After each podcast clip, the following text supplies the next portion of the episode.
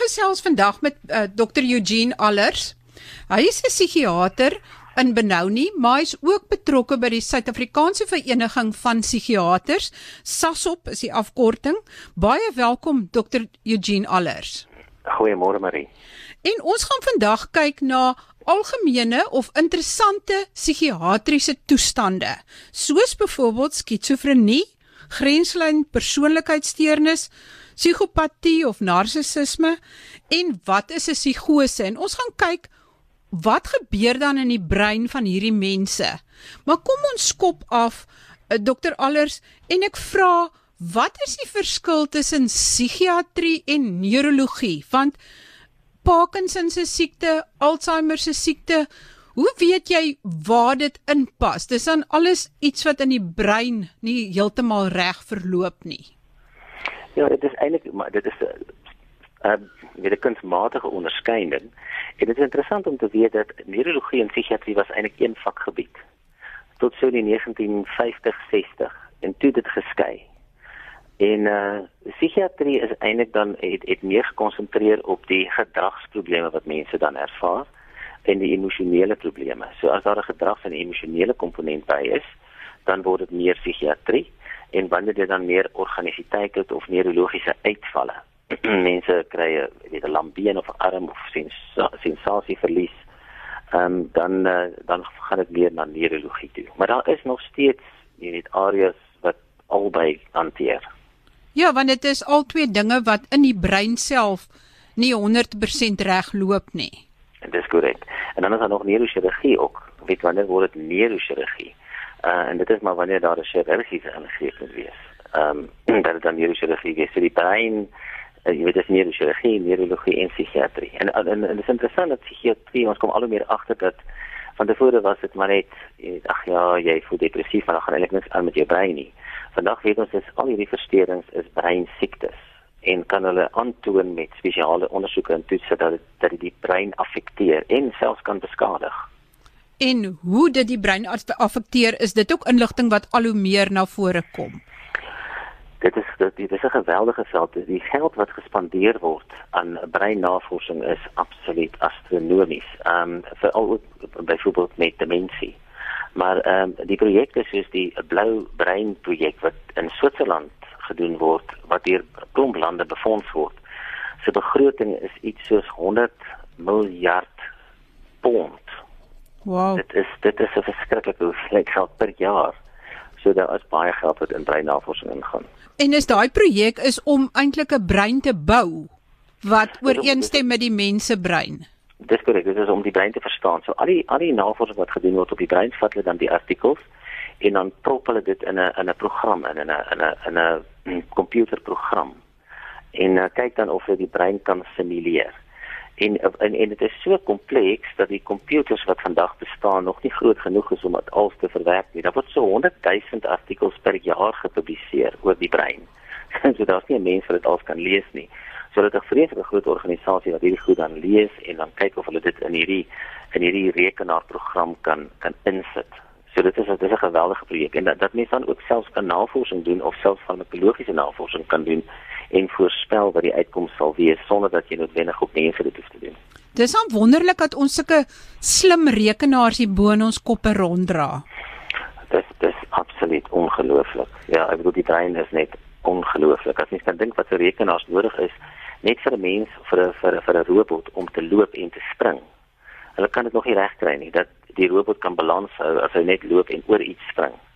Ehm um, en ek bedoel ons speel sport en doen allerlei dinge en dit is dit, ons dink nie eens daaraan nie, maar dit is hoe kompleks die brein is. Net en dit is net 'n motoriese funksie. So dan moet mens nog weet kom by besluitneming en emosies. Dit is 'n geweldige komplekse orgaan. Wow. En ek weet ons het al gesels oor uh major depressie, bipolêre gemoedversteuring, maar ons het nog nie gesels oor dinge soos skizofrenie, grenslys persoonlikheidssteurnis wat nou in Engels is dit borderline personality disorder en dan narcissisme en waar pas psigopatie in nie. So ja, ons ja, ons verdeel nou nie meer uh uh mense in in terme van psigopatie nie. Ehm uh, die persoonlikheidsversteurings in die verlede was onder andere het psigopatie of psigopate ingesluit. Maar dit was eintlik baie meer 'n regsterm. In die ou strafproseswet was daar 'n term so psigopatie en mense kon dan iemand diagnoseer as 'n psigopaat wat maar gewoonlik was in die tronk en dan was hulle na die psigopate hospitaal in, in Sonderwater toe gestuur. So as jy dan geklassifiseer word as 'n psigopaat, is jy na die Sonderwatergevangenis gestuur wat 'n spesiale program gehad het vir psigopatie. Maar ons sê eintlik dit dit pas meer in by die antisosiale persoonlikheidsversteuring. So dit is meer antisosiale persoonlikheidsversteuring wat psigopatie nou inpas. Goed, ons gaan nou nou daarby kom want dit is altyd iets wat mense verskriklik interesseer. Kom ja. ons kom ons begin by skizofrenie. Wat presies is dit en weet julle wat in die brein verkeerd loop en kan mens dit behandel? Ja, ons weet nog nie presies wat die oorsaak is nie. Ehm um, daar's baie genetiese navorsing gedoen. Dit, dit lyk of dit in sekere families kan voorkom, maar dit, dit kan ook net spontaan ontstaan.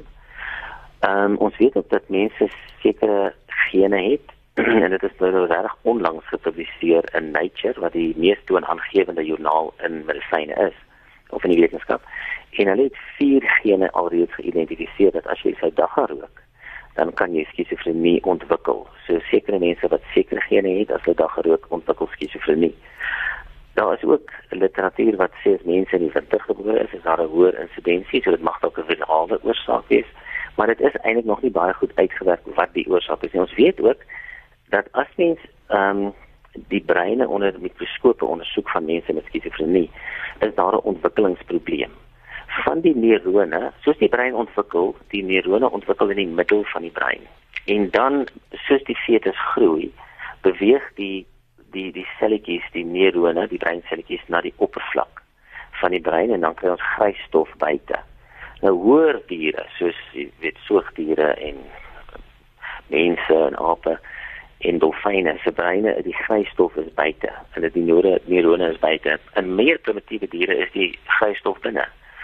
So dit lyk of soos ons ontwikkel het in die in die in die in die, in die stelsel dat ons breine groter geword het deur die neurone uit te beweeg nou met mense met skizofrenie het van hierdie neurone nie tot op die oppervlak beweeg nie.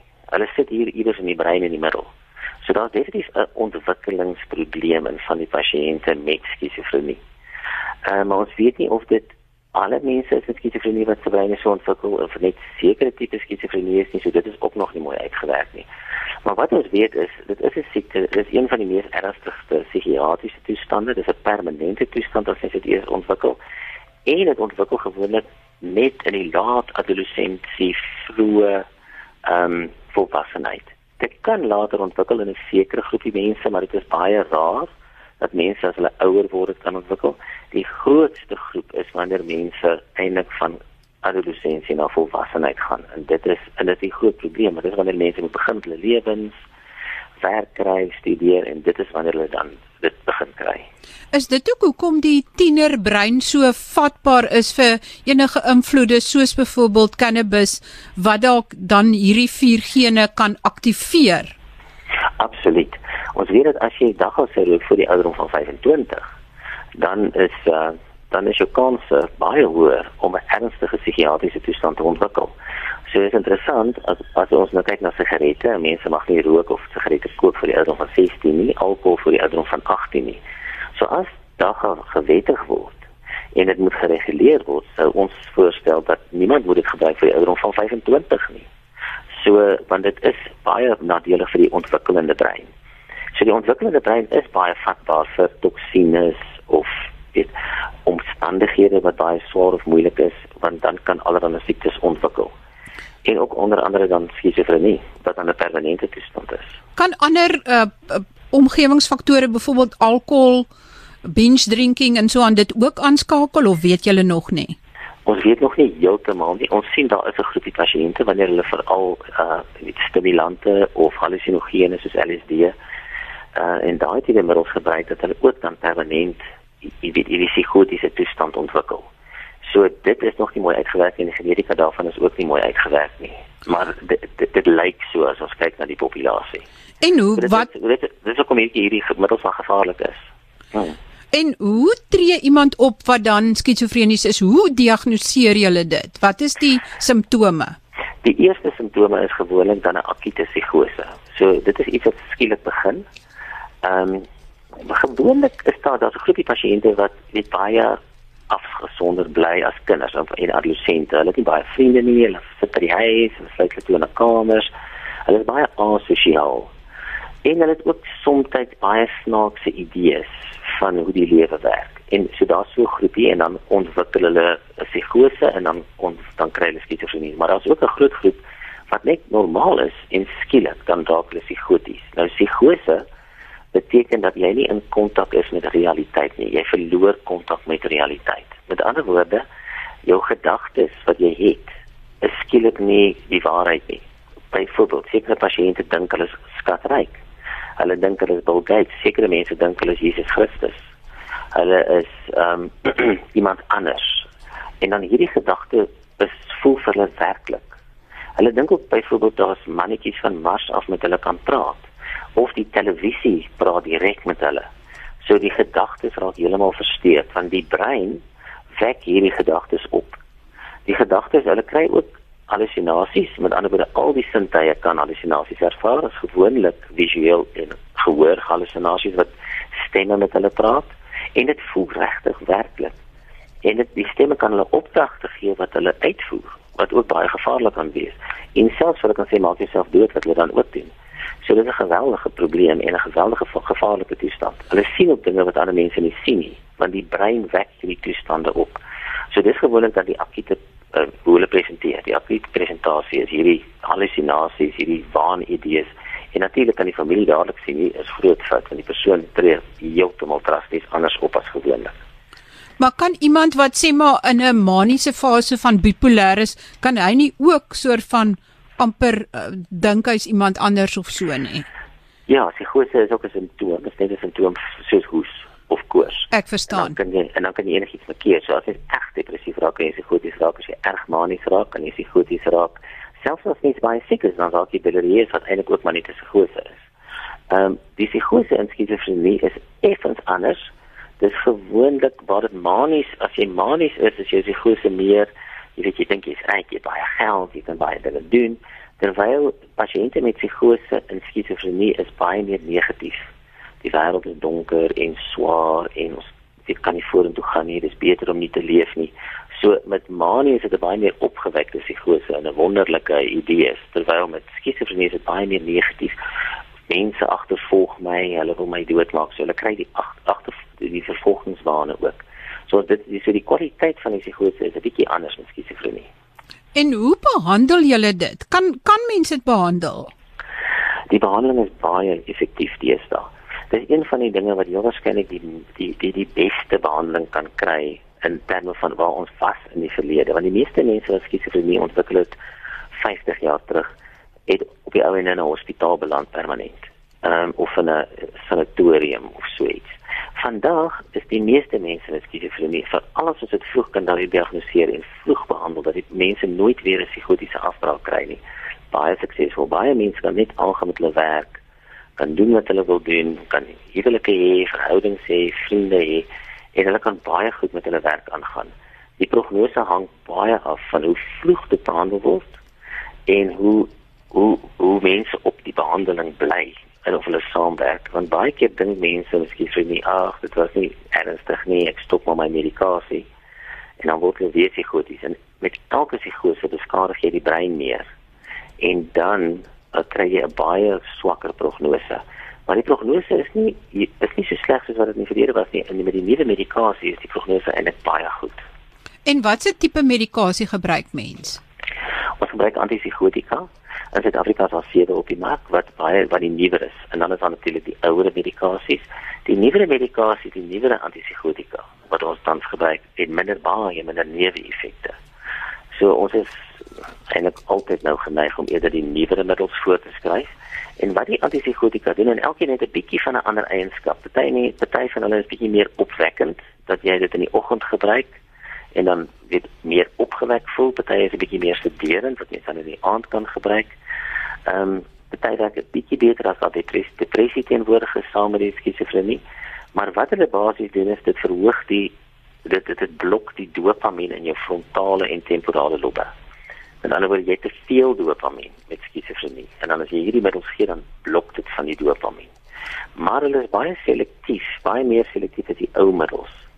Blok meer in die frontale lob en die temporale lob, maar affekteer nie die die die, die binnekant van die brein, die basale ganglia soveel as die ouer middels nie. Met ander woorde, hulle insidensie van parkinsonistiese tipe neeweffekte is baie minder. En hulle hulle lig 'n bietjie die gemoed van die pasiënte. So ons gebruik eerder die nuwere middels. En hoekom is dit so dat as die breinontwikkeling as hierdie al die grysstof nie migreer na die buitekant van die brein nie. Hoekom kan iemand dan vir so lank en om weet tot in sy tienerjare eintlik normaal funksioneer voordat die simptome uitkom? Ons dink dit het baie te doen met die stres uh ehm um, teorie. Kinders basies as hulle jonk is, is hulle ouer huis, hulle lewens. Ehm um, wie die ouers sê trek dit aan, ons gaan hier vakansie hou, ons gaan kuier vir ouma, ons gaan kuier vir tannie Sera en ek kom maar net saam. So 'n kind se huis is sy sy wêreld. Uh die verhouding met die ouers is baie belangrik. En die ouers nooi gewoonlik die maatjies vir 'n verjaardag, nie die kind nie. Wanneer kinders in adolessensie ingaan, dan word hulle bietjie meer onafhanklik. Hulle begin hulle eie maats nooi na hulle verjaardag toe. Hulle beweeg uit die huis uit. Hulle het vriende buitekant. Hulle gaan kuier vir mense alleen buitekant. So hulle begin onafhanklikheid ontwikkel. Maar wanneer hulle dan in hulle laat tienerjare en hulle vroeë adolessensie kom, dan is dit die mees stresvolle tyd vir 'n persoon. Want dan moet jy uit die huis uit gaan en totaal op jou eie bene staan. So dit is 'n totale dit is emosioneel stresvol, dit is finansiëel moet jy op jou eie ding, jy moet jou loopbaan kan kies. Jy moet nou uitgaan so die stres op daai stadium van die lewe vir die ouers en kinders is baie groot. Ehm um, en ons dink dat deel van daai stres om om weet matriek te slaag en te besluit wat ek wil gaan word in universiteit of dit gaan doen of dat gaan doen is een van die dinge wat dit ontlok maar ons sien ook wat ons laat dink dat dit deel is van stres is as mense immigreer en hulle gaan bly in 'n ander land is die insidensie van skizofrenie baie hoër onder daai mense so stres speel definitief 'n baie belangrike rol in verandering in mense se lewens ehm um, weet wanneer jy gaan van adolessensie na volwassenheid wanneer jy immigreer So dit heel waarskynlik met met met met stres eerder te doen as iets anders. Sjoe. Dis baie insiggewende inligting. En ehm um, dan dan wil ek aanskuif na borderline personality disorder. Ons vertaal dit sommer as grenslyn persoonlikheidssteurnis. Wat presies ja. is dit? Dit is 'n persoonlikheidsversteuring en wat ons dan hoe ons uh grenslyn persoonlikheidsversteuring diagnoseer. Grenslyn beteken dis op die grens. Dat is dis 'n grens tussen mense wat in realiteit lewe en wat amper nie in realiteit lewe nie. Uh, maar dis nie so skizofrenie nie, maar dit is dit hierdie mense word maklik psigoties en hulle ego-grense is baie swak. En uh, dis gewoonlik mense wat getraumatiseer is en dit is 'n dit is 'n persoonlikheid wat ontwikkel. So wanneer mense in hulle tienerjare ingaan, dan begin ons sien begin hulle hierdie simptome van grenslyn ontwikkel die kern eienskap of die kern simptoom van grenslyn is dat mense nie hulle emosies kan beheer nie. Hulle het ehm um, hulle hulle emosies is nie heeltemal onder hulle beheer nie. So wat gebeur is hulle daar's 'n bietjie stres. Hulle is in 'n verhouding en daar soos alle verhoudings is dit stresvol of iemand het iets gedoen nie of jy weet iemand het vir jou gejok of nie opgedaag nie. En dan dan raak hulle verskriklik of kwaad of hartseer of enige emosie wat hulle kan ervaar en dit word dit oorweldig hulle skielik. Hulle is nie in beheer dan van die emosie nie en dit vat totaal oor. So die logiese denke verdwyn heeltemal. Hulle kan nie dan logies dink nie en ooreageer oor die emosie. En en dit veroorsaak natuurlik ernstige verhoudingsproblematiek. Soos byvoorbeeld een van die kernsimptome is 'n meisie saam met 'n ouetjie uitgaan en dan dink dit is my trouman. Hy is so wonderlik en ons is so verlief. Terwyl hy dink eintlik is ons net vriende. Of die anders andersom dat hulle dink die persoon dink ek ons is maar net vriende en die ou dink maar ons is regtig verlief en ons gaan uit. So hulle oor of onder evalueer die verhoudings totaal. So dit is die een probleem. En dan die ander ding natuurlik is dat hulle, hulle selfbeeld is baie swak. Hulle hulle het 'n ongelooflike swak selfbeeld en hulle is vreeslik afhanklik van mense. So hulle voel verskriklik gou verwerping. So hulle vrees amper verwerping. So as mense hulle sou verwerp of afsê hê, dan is dit 'n ongelooflike gevoel wat hulle ervaar ook weer eens omdat daai emosie totaal by die weer is. Hulle het herhaaldelike selfmoordpogings of sny hulle self baie keer want hulle voel die lewe is eintlik hulle voel dood. En wanneer hulle self dan sny, maar oppervlakkig en 'n klomp snymerkies op hulle arms of bene maak, dan voel hulle maar ek voel eintlik beter. Hulle self motiveer. So dit is die dis wat hulle dit is gewoonlik die die die die die, die hoe hulle hulle presenteer en dat funksioneer hulle ook relatief onder gemiddeld onder hulle eie gemiddeldheid. Jy weet, so hulle kan intelligent wees, maar doen nie heeltemal so goed nie want die, die emosies is te onstabiel. En hoe kan mens dit in die brein sien? Wat gaan in die brein verkeerd of is daar nie iets wat verkeerd gegaan het? Ja, dit is 'n fokkerfront. Ook al die meeste van die siektes wat ons sien is maar frontale lob uh dinge. Hulle is ook baie impulsief en impulsiviteit sit ook dan in die frontale lobbe. So wanneer ons die mense skandeer en kyk wat aangaan hulle breine, is dit in die frontale lobbe en veral in die mediale frontale lobbe in die middelste deel van die frontale lobbe. So uh nie heeltemal so skizofrenie nie. Bietjie meer op 'n ander plek, maar baie daar's baie die selle eienskappe en selle areas in die brein wat geaffekteer word, maar uh daar is ook ander areas in die in in die pasiënt en ook heel frontaal op die op nie, op, op op mense se voorkoppe kan ons dan sien dat daar probleme is. En die interessante ding is nou daar's 'n nuwe terapie wat nou baie sterk tevore kom en ons noem dit transkraniale magnetiese stimulasie. en dit is uh, dit is 'n ou tegniek wat al lank al probeer is, maar nie baie suksesvol was nie, maar die nuwe masjiene is baie baie uh, baie meer spesifiek en baie kleiner areas kan dit van die brein ehm um, magnetiseer. En jy sit dit op die persoon se skedel en dan kan jy dit hulle noem dit herhalende kort ehm uh, TMS. En dit wat jy dan elke dag doen op so 'n pasiënt, dan dan ontwikkel hulle dan word hulle vinnig beter want dan stimuleer jy daai spesifieke area van die brein waar die waar die probleme lê met grenslyn. Ongelukkig is dit nie 'n langdurige terapie nie en dit moet redelik, jy weet, herhaal word by tye. Maar die die emosionele probleme wat hulle sou ervaar, die selfmodulasie of die geweldige depressie wat hierdie mense ontwikkel, word vinnig dan beter met hierdie tegniek. In Suid-Afrika het ons begin dit nou posvat, uh want dit die navorsing van Kanada veral het nou reg begin om beter te te lyk en die instrumente wat verskriklik duur is nou baie goedkoper. En uh, so ek seker van, jy weet, ehm um, dat ons gaan begin om dit meer en meer te sien en meer en meer te gebruik. Met ander woorde, daar is beslis hoop vir hierdie mense. Daar's definitief hoop vir die mense en daar's ook baie goeie psigoterapeutiese tegnieke wat sielkundiges gebruik om die mense te help. Ons noem dit DBT, dialektiese gedragsterapie en uh, dialectical behavioral therapy en dit kan groepelik ook gedoen word. Die navorsing wys dat dit baie doeltreffend is en wat die terapie dan doen is, dit help mense om hulle emosies te reguleer. So dit help hulle om in die hier en die nou te leef, in die hier en die nou te dink en om om te leer om die emosies te beheer sodat dit nie hulle oorweldig nie. So in die in, in dit is 'n relatiewe langerige terapie.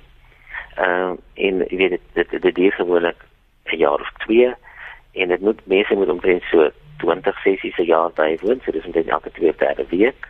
Maar dit help baie, veral as dit in 'n groep is. Want dan kan mense begin leer om hierdie emosies te beheer. Op op dan dan help die sielkundige om die frontale lobe op 'n ander manier te gebruik om hierdie oorweldigende gevoelens bietjie te onderdruk. So die brein kan nog steeds nuwe dinge aanleer. O, absoluut. Die brein kan aanleer ehm um, die brein se so so vermoë om te leer is omtrent 90% tot op die ouderdom van 1 jaar. So jy kan baie groot breinskade ontwikkel in jou eerste jaar van lewe en die brein sal omtrent alles oorvat en sê dit natuurlik nou baie ernstig is. En dan neem dit geleidelik af. En die interessante ding is, dit lyk vir ons dat dit afneem tot jy 42 is en dan dan is die brein se vermoë om nuwe dinge te leer 3%. Maar dis nie sleg nie want as jy as jy dink jy wil ook nog meer op 43 of 42 nuwe goed leer elke keer nie. Jy gebruik baie meer van die goed wat jy geleer het in die verlede. So jy net so 'n bietjie by te sit. So maar die brein kan nog aangeneem te leer. So die brein is baie plasties selfs na 42. Ek hoop so. ons almal het so. Dit is ouer word, vergeet ons meer ons leer daarmee dinge. Dankie tog. Maar ek neem aan dat grenslyn persoonlikheidssteurnis nie so algemeen is so skizofrenie nie. Dis meer algemeen as skizofrenie, baie meer algemeen. Meer algemeen. Baie, baie, baie meer algemeen. Dit is daar verskillende syfers van skizofrenie. In Suid-Afrika lyk dit vir ons as skizofrenie nie so algemeen as in sekere ander wêrelddele nie. Ehm um, so ons syfers lyk vir ons so 0.5 tot 1% van die bevolking of selfs minder as dit. Ehm um, ons het nie akkurate syfers nie, maar as ons kyk na mediese fonds syfers, uh meeste van die pasiënte ongelukkig beland in die staatssektor as gevolg van die feit dat hulle dalk baie keer nie kan werk nie of iets sukkel om werk te kry of uh, hulle val later uit die stelsel uit. Maar in die private sektor kan ons dit relatief goed hanteer en dit lyk so vir ons of dit selfs onder 0.5% kan wees terwyl grensne persoonlikheidsversteuring is baie meer algemeen is dit is omtrent 5 tot 10% van die bevolking. Sjoe so daar sekerlik met ander woorde daar ek neem aan daar's heelwat mense wat nie eens gediagnoseer is nie. Ons grensversteuring, grensversteuring is heeltemal ondergediagnoseer heeltemal ek dink die bewustheid van grenslyn persoonlike assistering begin nou eers ontwikkel. En ek dink ook Sesop moet 'n bietjie meer aandag gee. Ons sal in elk geval van Sesop as 'n kant bietjie meer aandag gee om dit te bevorder want uh, ek dink of by die bewustheid die bewustheid te bevorder want dink is baie dit is 'n diagnose wat ongelukkig baie gestigmatiseer was in die verlede. Ooh, jy weet, dit grenslyn persoonlike assistering, maar want in die verlede het ons nie veel vir dit te doen daarmee nie. En uh, mense as jy nie weet wat met 'n siekte te doen nie, dan word dit maar gestigmatiseer want jy weet wat gebeur nou. Nou dat ons beter behandeling daarvoor kry, gaan die stigma natuurlik baie minder wees en dan kan mense ook meer ooplik daaroor praat en weet wat dit is en na vore kom vir behandeling. Dokter Allers, ons tyd is besig om ons in te haal en ons het nog nie eens behoorlik gesels oor psigopatie en narcissisme nie. So ja. ek gaan 'n reëling met jou maak dat ons in die toekoms daarop sal konsentreer. Ja. Maar baie baie dankie vir jou insigte. Ek sê baie dankie. My gas was Dr Eugene Allers en hy is 'n verteenwoordiger van SASOP, dis die Suid-Afrikaanse Vereniging vir Psigiaters. En ons gesels dan nie volgende week nie, maar so gou as moontlik oor psigopatie en narcissisme. Vol baie dankie Dr Allers. Volgende week gesels ek vinnig weer oor koronavirus of COVID-19 net om seker te maak en uit te vind wat is die jongste stand van sake en wat is die jongste inligting. Tot volgende week dan groete van my Marie Hudson.